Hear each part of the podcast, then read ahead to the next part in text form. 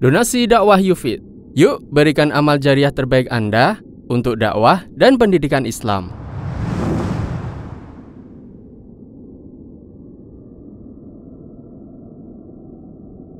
Bismillahirrahmanirrahim.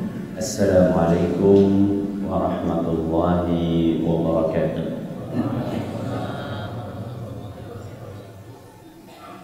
Alhamdulillahi rabbil alamin. والعاقبة للمتقين ولا عدوان إلا على الظالمين. وصلى الله على نبينا محمد وعلى آله وصحبه أجمعين. أما بعد. كتاب ذلك أجير من شكور الله تبارك وتعالى. على kesempatan malam yang berbahagia kali ini kita masih kembali diberi kekuatan, kesehatan, hidayah serta taufik dari Allah Jalla wa'ala. Sehingga kita bisa kembali menghadiri pengajian rutin malam Sabtu untuk membahas adab dan akhlak di dalam Islam di Masjid Jenderal Sudirman Purwokerto ini. Kita berharap semoga Allah Subhanahu wa taala berkenan untuk melimpahkan kepada kita semuanya ilmu yang bermanfaat sehingga bisa kita amalkan sebagai bekal untuk menghadap kepada Allah Jalla wa ala. Amin. Salam dan salam semoga senantiasa tercurahkan kepada junjungan kita Nabi besar Muhammad sallallahu alaihi wasallam kepada keluarganya, sahabatnya dan umatnya yang setia mengikuti tuntunannya hingga akhir nanti.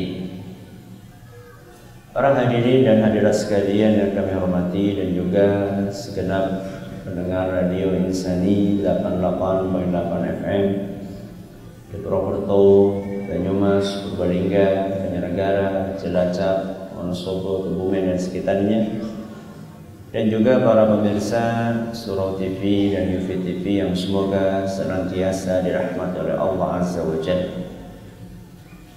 Alhamdulillah pada malam yang berbahagia kali ini kita kembali melanjutkan pembahasan tentang hadis nomor 19 yang termaktub di dalam kitabul Jami' dari karya Imam Ibn Hajar Al-Asqalani rahimahullah Bulughul Maram yaitu sebuah hadis yang berbunyi wa 'anil Mughirah wa 'anil Mughirah bin Syu'bah radhiyallahu anhu dari seorang sahabat namanya Al-Mughirah bin Syu'bah semoga Allah meridai beliau An Rasulullah sallallahu alaihi wasallam dari Rasulullah SAW beliau bersabda Inna Allah harrama alaikum uquqal ummahat. Sesungguhnya Allah subhanahu wa ta'ala mengharamkan untuk kalian satu durhaka kepada ibu wa wa'dul banat. Yang kedua mengubur hidup-hidup anak perempuan. Wa man'an yang ketiga malas memberi suka meminta. Kemudian Nabi SAW melanjutkan wa karihalakum qila wa qala. Kemudian Nabi SAW mengatakan bahwa Allah membenci tiga hal. Yang pertama adalah qila wa qala. Suka ngobrol ngerumpi. Yang tidak jelas menukil berita yang tidak jelas sumbernya. Kemudian yang kedua wa kasratas suali banyak bertanya yang tidak ada manfaatnya Dan yang ketiga wa idha'atal mali, menyia-nyiakan harta. Muttafaqun alaih hadis riwayat Bukhari dan Muslim. Pada pertemuan yang lalu kita baru bahas hal yang pertama yang diharamkan oleh Allah. Apa itu? Durhaka kepada ibu. Malam hari ini kita akan membahas hal yang kedua. Yang diharamkan oleh Allah yaitu wa'dal banat. Wa'dul banat. Wa'dul banat itu artinya mengubur hidup-hidup anak perempuan. Apa? Mengubur hidup-hidup anak perempuan. Berarti bukan sekedar membunuh, tapi membunuh dengan cara yang sangat kecil. Dimasukkan ke dalam lubang, terus ditimbun tanah hidup-hidup. Hukumnya apa? Hukumnya apa? Haram. Kalau yang dikubur hidup-hidup laki-laki, Anak laki-laki gimana? Sama. Loh, tadi bunyinya mengubur hidup-hidup anak perempuan. Anak laki-laki sama. Dalilnya apa? Dalilnya Al-Quran. Dalilnya Al-Quran. Surat Al-An'am ayat 137.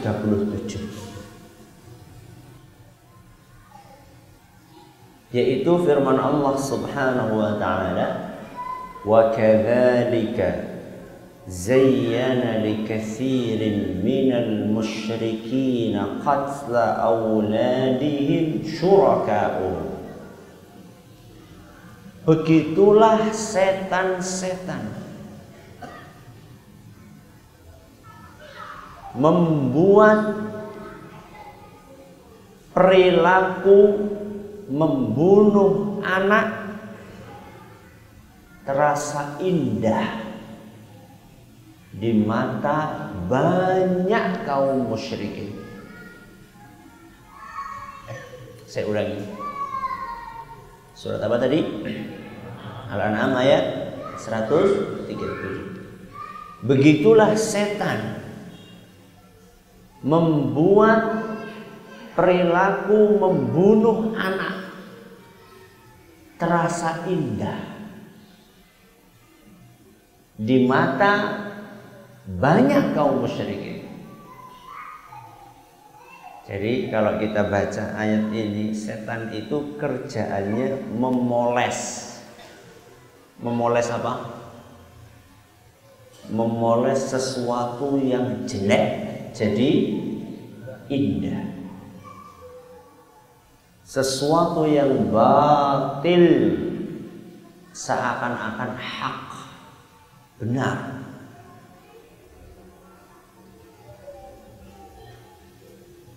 Dan itulah kerjaan setan sepanjang zaman sampai sekarang. Dengan berbagai macam bahasa sesuatu yang jelek terlihat indah. Buka aurat dipoles oleh setan dengan istilah dengan istilah modernisasi. Buka aurat. Sebaliknya sesuatu yang bagus dipoles supaya kelihatan jelek Orang pakai jilbab, pakaian lengkap. Kata setan, teroris. Siapa gue sih ngomong? Setan. Oh, setan ini Ustaz. Setan kan ada dua. Ada minal jinnati unas. Ada jin, ada manusia. Terus bagaimana yang toleran? Sing muda, gue toleran. Itulah kerjaan setan sepanjang zaman. Anehnya ya kita manut bae karo setan. Yang perlu kita garis bawahi apa? Di situ Allah menggunakan kata auladihim. Menggunakan kata aulad. Aulad itu jamak dari walad. Walad itu anak entah laki-laki entah. Mau anak laki-laki, mau anak perempuan yang namanya mengubur hidup-hidup anak entah jenis kelaminnya laki-laki atau perempuan hukumnya haram. Dalil yang lain surat Al-An'am juga. Cuman beda ayat yaitu ayat 140. Berarti cuma beda berapa? Tiga ayat berikutnya. Allah berfirman, "Qad khasira alladhina qatalu auladahum safahan bighairi ilm." Pasti rugi orang yang membunuh anak-anak mereka. Apa kata Allah? Pasti rugi. Padahal sebagian orang membunuh anak dengan maksud supaya untung. Ben berase ora? Ben berase ora cepet? Entong. Ben tabungane ora cepet berkurang. Dia pikir seperti itu kan. Anak siji lumayan daripada anak sepuluh. Beras sekarung gue bocah sepuluh sebentar. Nek bocah siji kan lumayan. Beras sekarung bisa gue sekian bulan. Tapi Allah katakan qad khasira pasti rugi. Tidak mungkin untung. Ini dalam surat apa? Al-An'am 140. Yang perlu kita garis bawahi kata-kata aulad. Lagi-lagi Allah pakai kata aulad. Jamak walad. Walad itu mencakup anak laki-laki dan perempuan. Berarti mengubur hidup-hidup anak laki-laki boleh atau tidak? Tidak boleh. Lah terus kenapa hadis yang tadi kita baca nomor 19 kok bunyinya wawakdul banat mengubur hidup-hidup anak perempuan. Kenapa Rasul SAW tonjolkan anak perempuan di situ? Kenapa kira-kira? Apa?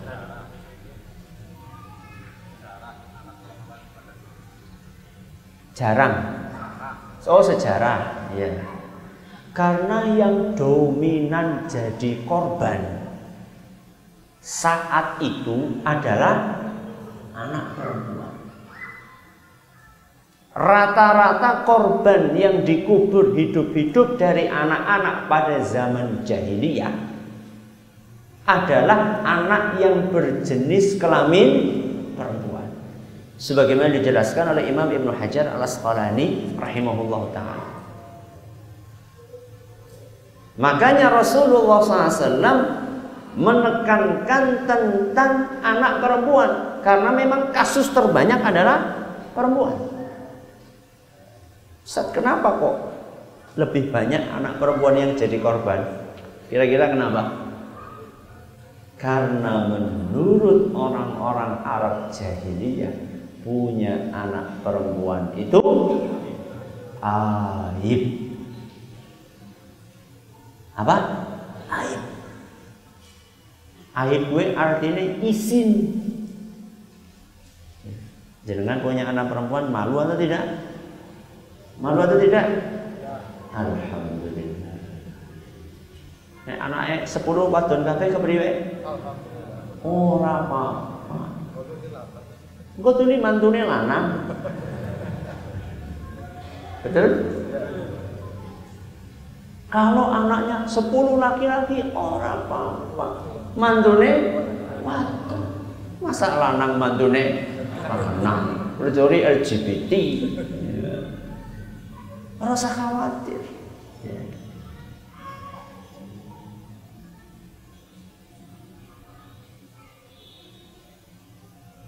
Allah ceritakan bagaimana responnya orang-orang jahiliyah manakala dikabari anak yang lahir perempuan. Allah ceritakan respon mereka dalam surat An-Nahl. Surat An-Nahl. Ayatnya 58 sampai 59. Surat apa? An-Nahl. Ayatnya pinten? 58 sampai 59. Allah cerita Wa idza busyira ahaduhum bil untha dhalla wajhuhu muswadda Apabila ada salah satu di antara mereka yaitu orang-orang musyrikin jahiliyah dikasih kabar anakmu lahir sing lahir wadon dhalla muswadda. Wajahnya menghitam. Apa gue menghitam? Nek bahasanya dewek merah padam. Tapi utuh merah ireng padam. Berarti itu lebih parah daripada merah padam Kenapa kok bisa seperti itu? Wahuwa kadzim. Karena dia jengkel. Dening sing metu waduh. Apa maning 10 wadon kabeh. Ini cuma satu. Ya. Lahir anak perempuan. Kok kemudian yang keluar lahir anak kok kemudian yang keluar perempuan merah hitam, marah, jengkel.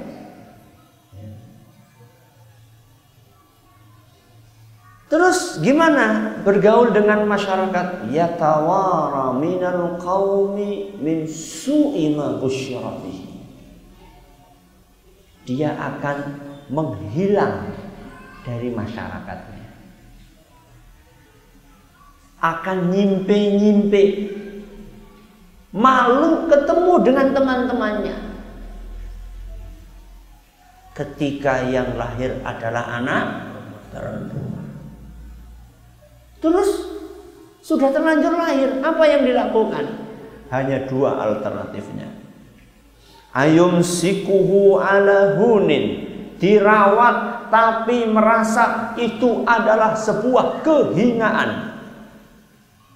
Dirawat tapi merasa alah kepriye maning hina karena punya anak perempuan atau alternatif yang kedua am yadussuhu fiturab atau anak perempuan itu dibenamkan hidup-hidup di tanah. Diinjek dengan kedua kakinya supaya mati dimasukkan ke dalam tanah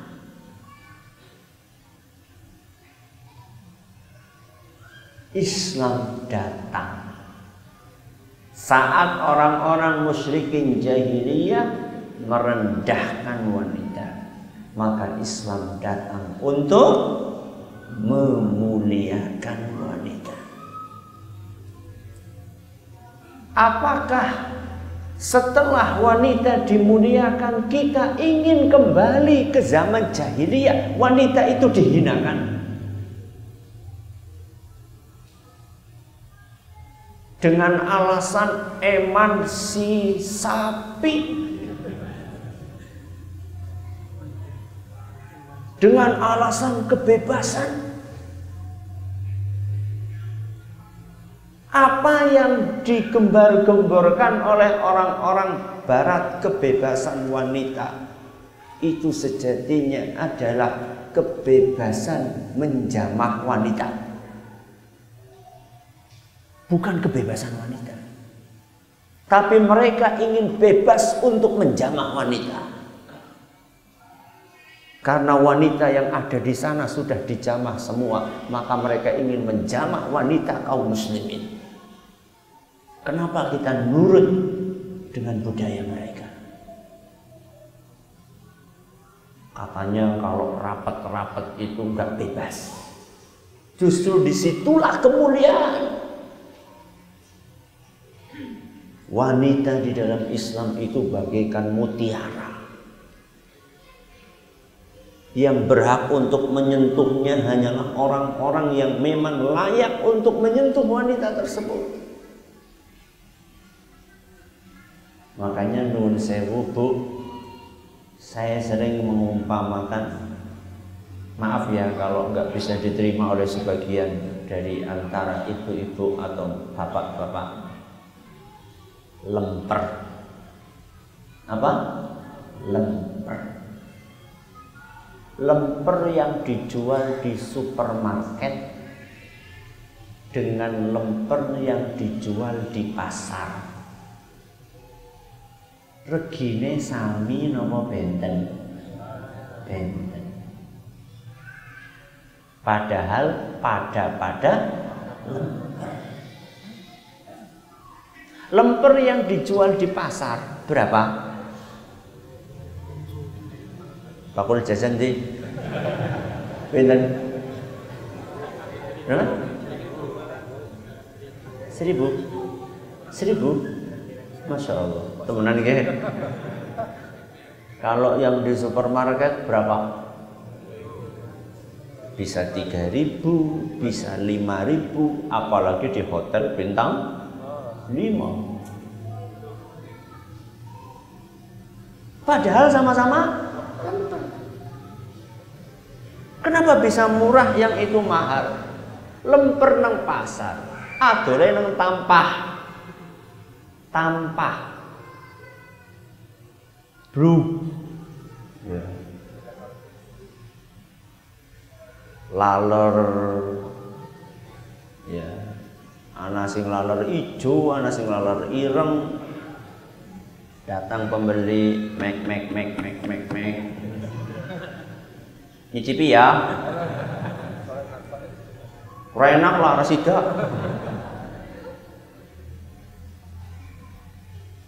kalau yang di supermarket di dalam apa? Etalase kaca ditata apa? Rapi laler ora bisa mlebu. Ya. Langsung transaksi.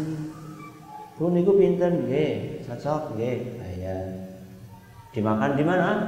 Di rumah. Itu bedanya antara yang terawat dengan yang tidak antara yang dibungkus rapat dengan yang dibiarkan terbuka. Coba wanita yang buka-bukaan. Kira-kira laki-laki akan tergoda untuk menggoda wanita yang terbuka.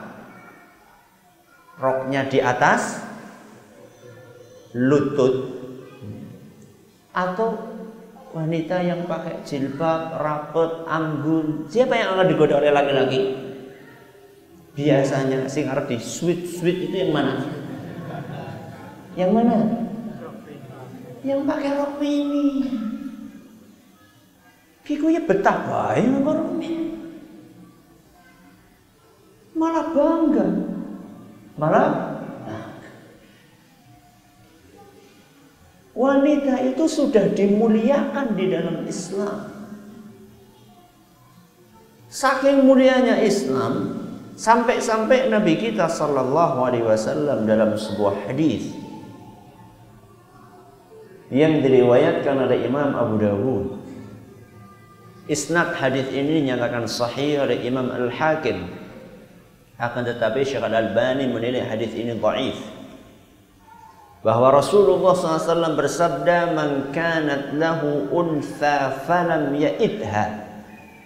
Barang siapa punya anak perempuan, kemudian dia tidak menguburnya hidup-hidup. Walam yuhinha. Dan tidak menghinakan anak perempuannya itu. Walam yuksir waladahu alaiha yakni dzukur Kemudian dia tidak pilih kasih. Antara anak-anaknya yang perempuan dengan anak yang laki-laki. Tidak mengubur hidup-hidup, tidak menghinakan, tidak pilih kasih. Adkhalahul jannah. Allah akan masukkan orang tua yang seperti itu ke surga. Bayangkan. Punya anak perempuan. Kalau benar-benar menjaga amanah dengan baik, dijamin masuk apa? Surga. Nih, bocah lanang kepriwe Ustaz? Bocah lanang kepriwe? Ya, mudah-mudahan. Tapi hadisnya berbicara tentang anak perempuan. Kenapa? Kenapa? Saya tanya yang punya anak perempuan, saya anaknya laki-laki semua. Ya. Kenapa anak perempuan? Kok yang disebut anak perempuan? Lebih angel. Lebih sulit katanya ya. Katanya yang punya anak lebih sulit ngurusi anak perempuan daripada anak laki-laki. Bocah lanang adus telung menit rampung. Bocah wadon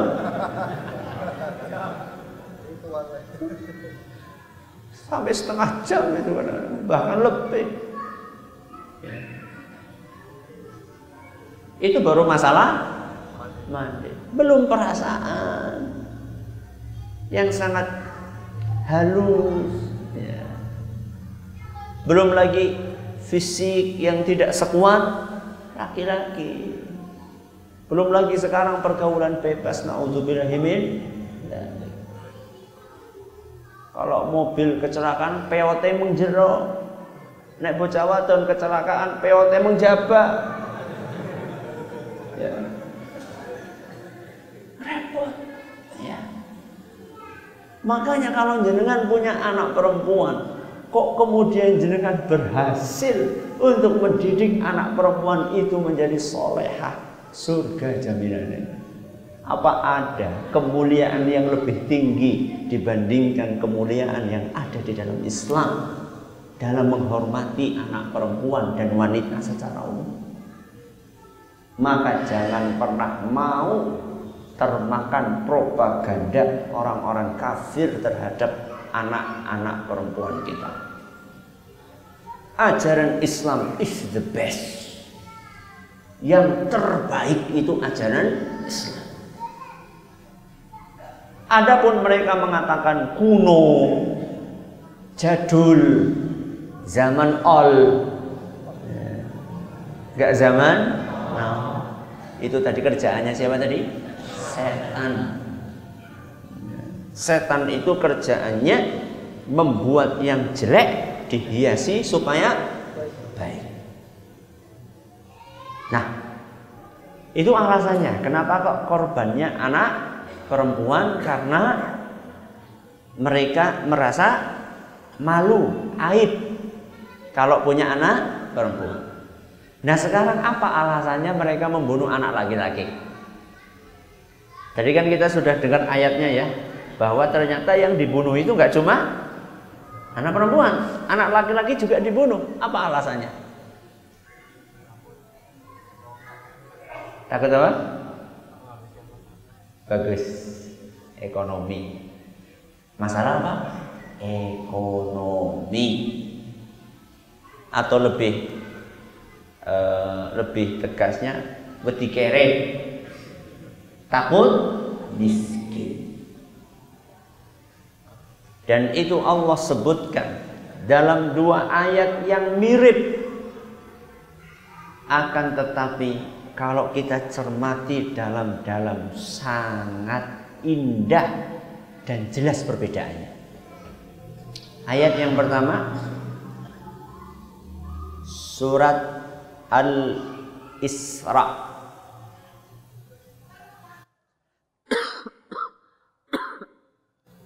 Surat apa? Al-Isra. Ayat 31.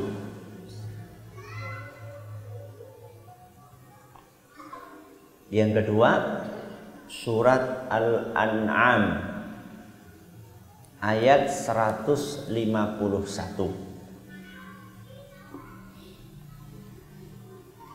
Yang pertama surat Al-Isra ayat 31. Terus yang kedua Al-An'am ayat 151. Saya akan baca ayat yang pertama dulu. Surat apa tadi? Al-Isra. Allah berfirman, "Wala taqtulu auladakum khasyata imlaq." Jangan kalian bunuh anak-anak kalian karena khawatir miskin. Surat Al-Isra bunyinya karena khawatir apa? Miskin. Surat Al-An'am bunyinya kayak gini. Wala taqtulu auladakum min imlaq. Jangan kalian bunuh anak-anak kalian karena kemiskinan. Bedanya apa? Yang pertama unine takut miskin, yang kedua karena kemiskinan. Bedanya apa? Yang pertama belum miskin. Cuma apa? Ilusi. Lah ngurusi bocah siji wis angel, apa maning? Ngurusi bocah loro. Kalau yang kedua itu sudah benar-benar miskin. Kalau seandainya sudah benar-benar miskin, membunuh anak saja tidak boleh. Apalagi yang cuma takut miskin padahal belum miskin. Dan menarik, Allah tutup dua ayat tadi, Allah akhiri dengan kalimat yang berbeda. Surat Al-Isra tadi, ayat 31, itu kan belum apa? Miskin. Takut miskin. Apa kata Allah? Nahnu narzukuhum wa iyyakum kami yang akan ngasih rizki kepada mereka dan kepada kalian. Kepada mereka dan kepada kalian. Nun sewu mereka di sini siapa? Anak kalian orang tua. Siapa yang didahulukan? Anak baru orang tua. Ayat yang satunya surat apa? Al-an'am dibalik. Nahnu narzukukum wa iyyahum. Kami yang kasih rizki kalian dan mereka. Kenapa kok urutannya dibalik? Yang pertama surat al-isra. Takut miskin. Jangan bunuh anak kalian karena kalian khawatir miskin. Gak usah khawatir kami yang akan kasih rizki kepada anak-anak kalian. Sehingga ketika anak-anak kalian lahir, itu rizkinya sudah ditanggung. Sama siapa? Sama Allah. Nun sewu. Yang anaknya paling banyak angkat tangan. Pinter. Lima. Wah belum banyak itu. Ada yang di atas lima? Pinter. Masya Allah, pol. Lima pol. Enam, enam. Enam. Pinten? Enam, Masya Allah. Tujuh, tujuh. Ini kayak apa no? Ini kayak lelang. tujuh, tujuh. Tujuh. Tujuh. Gak ada? Wah ini harus ada motivasi pengajian khusus bikin anak banyak. Enam. Saya tanya Pak. Ketika anaknya satu, masak nasi paling cuma pinten seperempat kilo nggih seperempat liter Cukup. Begitu anak dua, tambahkan. Begitu anak tiga, begitu anak enam. Saya tanya, ketika anaknya enam, nasi yang dimasak kan lebih banyak ya. Kok nasi yang dimasak? Beras. Beras yang dimasak lebih banyak kan? Ada nggak berasnya? Wonten wonten. Ada. Ada. Kenapa kita takut? Mbah-mbah kita dulu loh pede-pede. Coba mbah-mbah kita dulu, anaknya berapa? Minimal 8. Ini minimal. Bahkan ada yang 11, ada yang 16, ada yang 20, ada yang 22 bikin dua kesebelasan.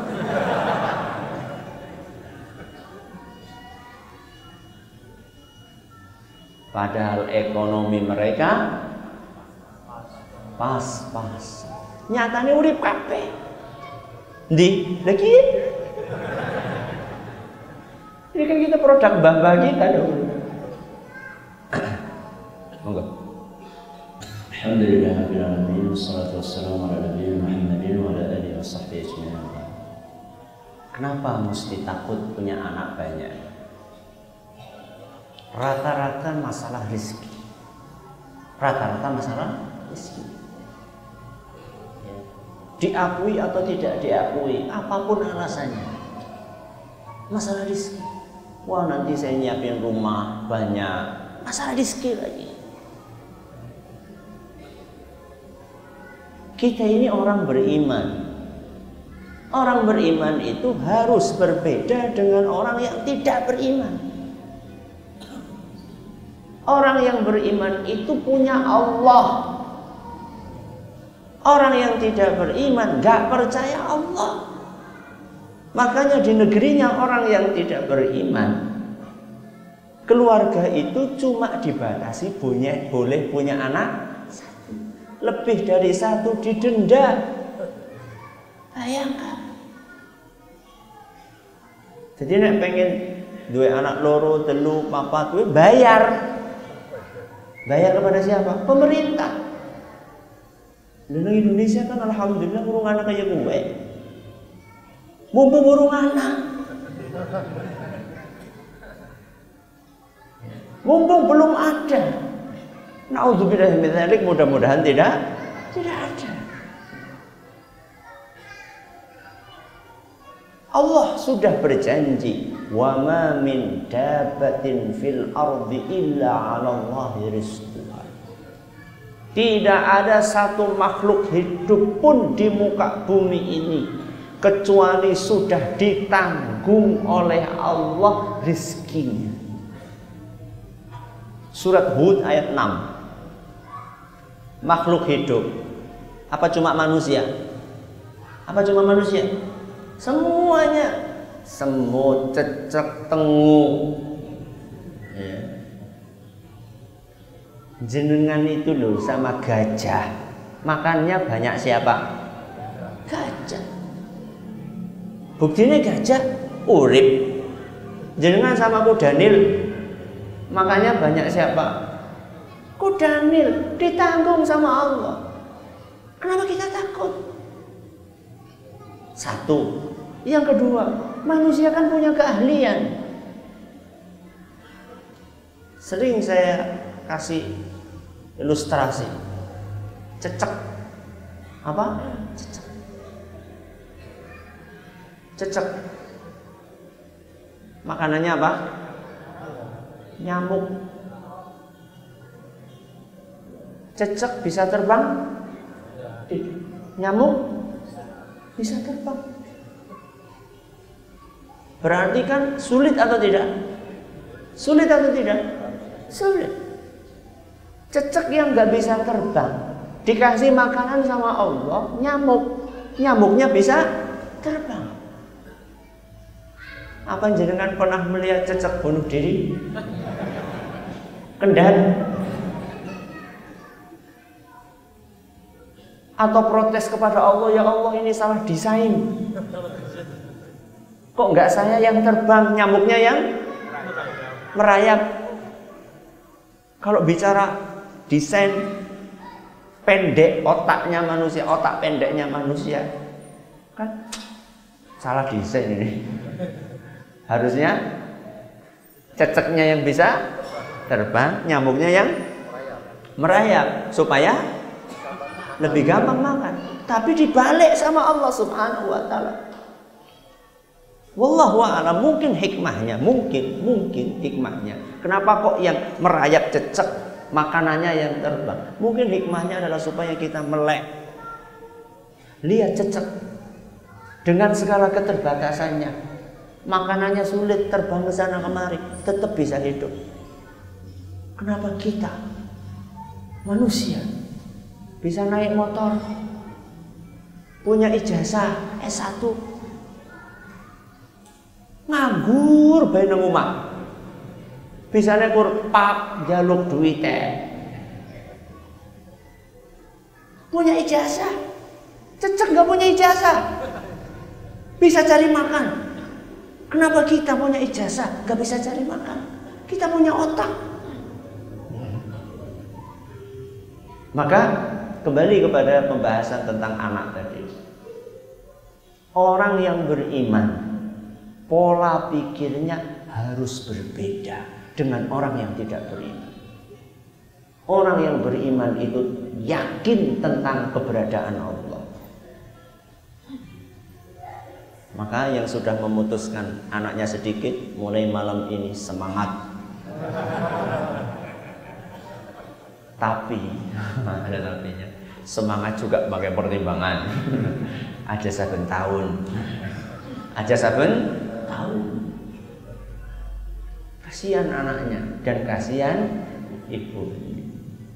Ya urung rampung nyusune sundul maning urung nyampung sundul maning makanya di dalam Islam itu dikenal yang namanya mengatur jarak kelahiran anak.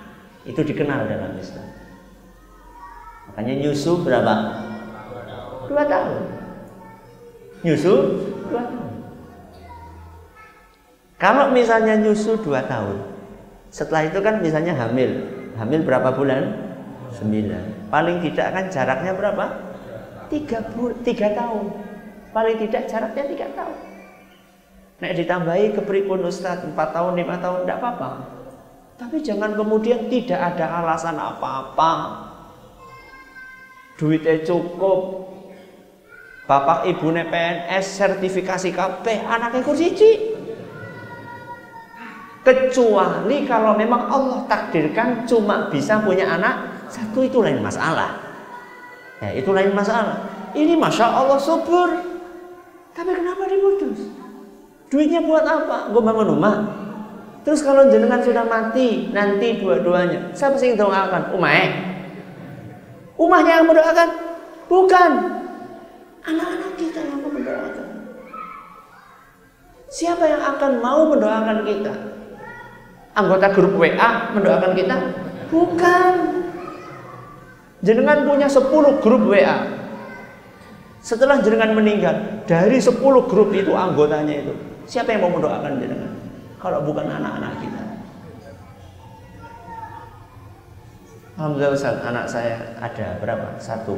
Kenapa? Ya kalau cuma dikasih satu, tidak apa-apa sama Allah. Tapi kalau dibatasi, siji bejut maning.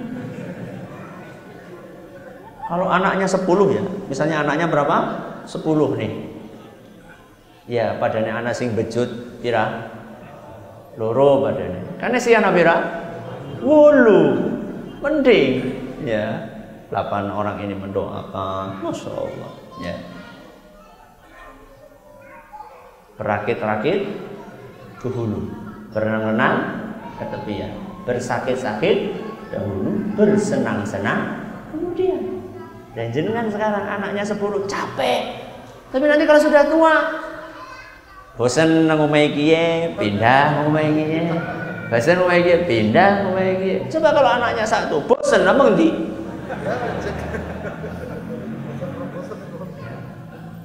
Masya Allah. Ya. Dari situlah kenapa Nabi kita SAW menganjurkan kita supaya banyak anak. Tazawwajul waludal wadud. Nikahilah wanita yang penyayang dan subur. Subur apa? An awake subur banyak keturunan. Fa inni mukatsirum bikumul umama yaumal qiyamah. Karena aku bangga kata Rasulullah SAW kalau umatku banyak nanti pada hari kiamat. Mudah-mudahan bermanfaat dan tambah semangat. Allah taala ala wa alam. Terima kasih atas perhatiannya. Maka segala kurangnya kita tutup dengan membaca Subhanallahumma bihamdika asyhadu an la ilaha illa anta astaghfiruka wa. Assalamualaikum warahmatullahi wabarakatuh. Donasi dakwah Yufid. Yuk berikan amal jariah terbaik Anda untuk dakwah dan pendidikan Islam.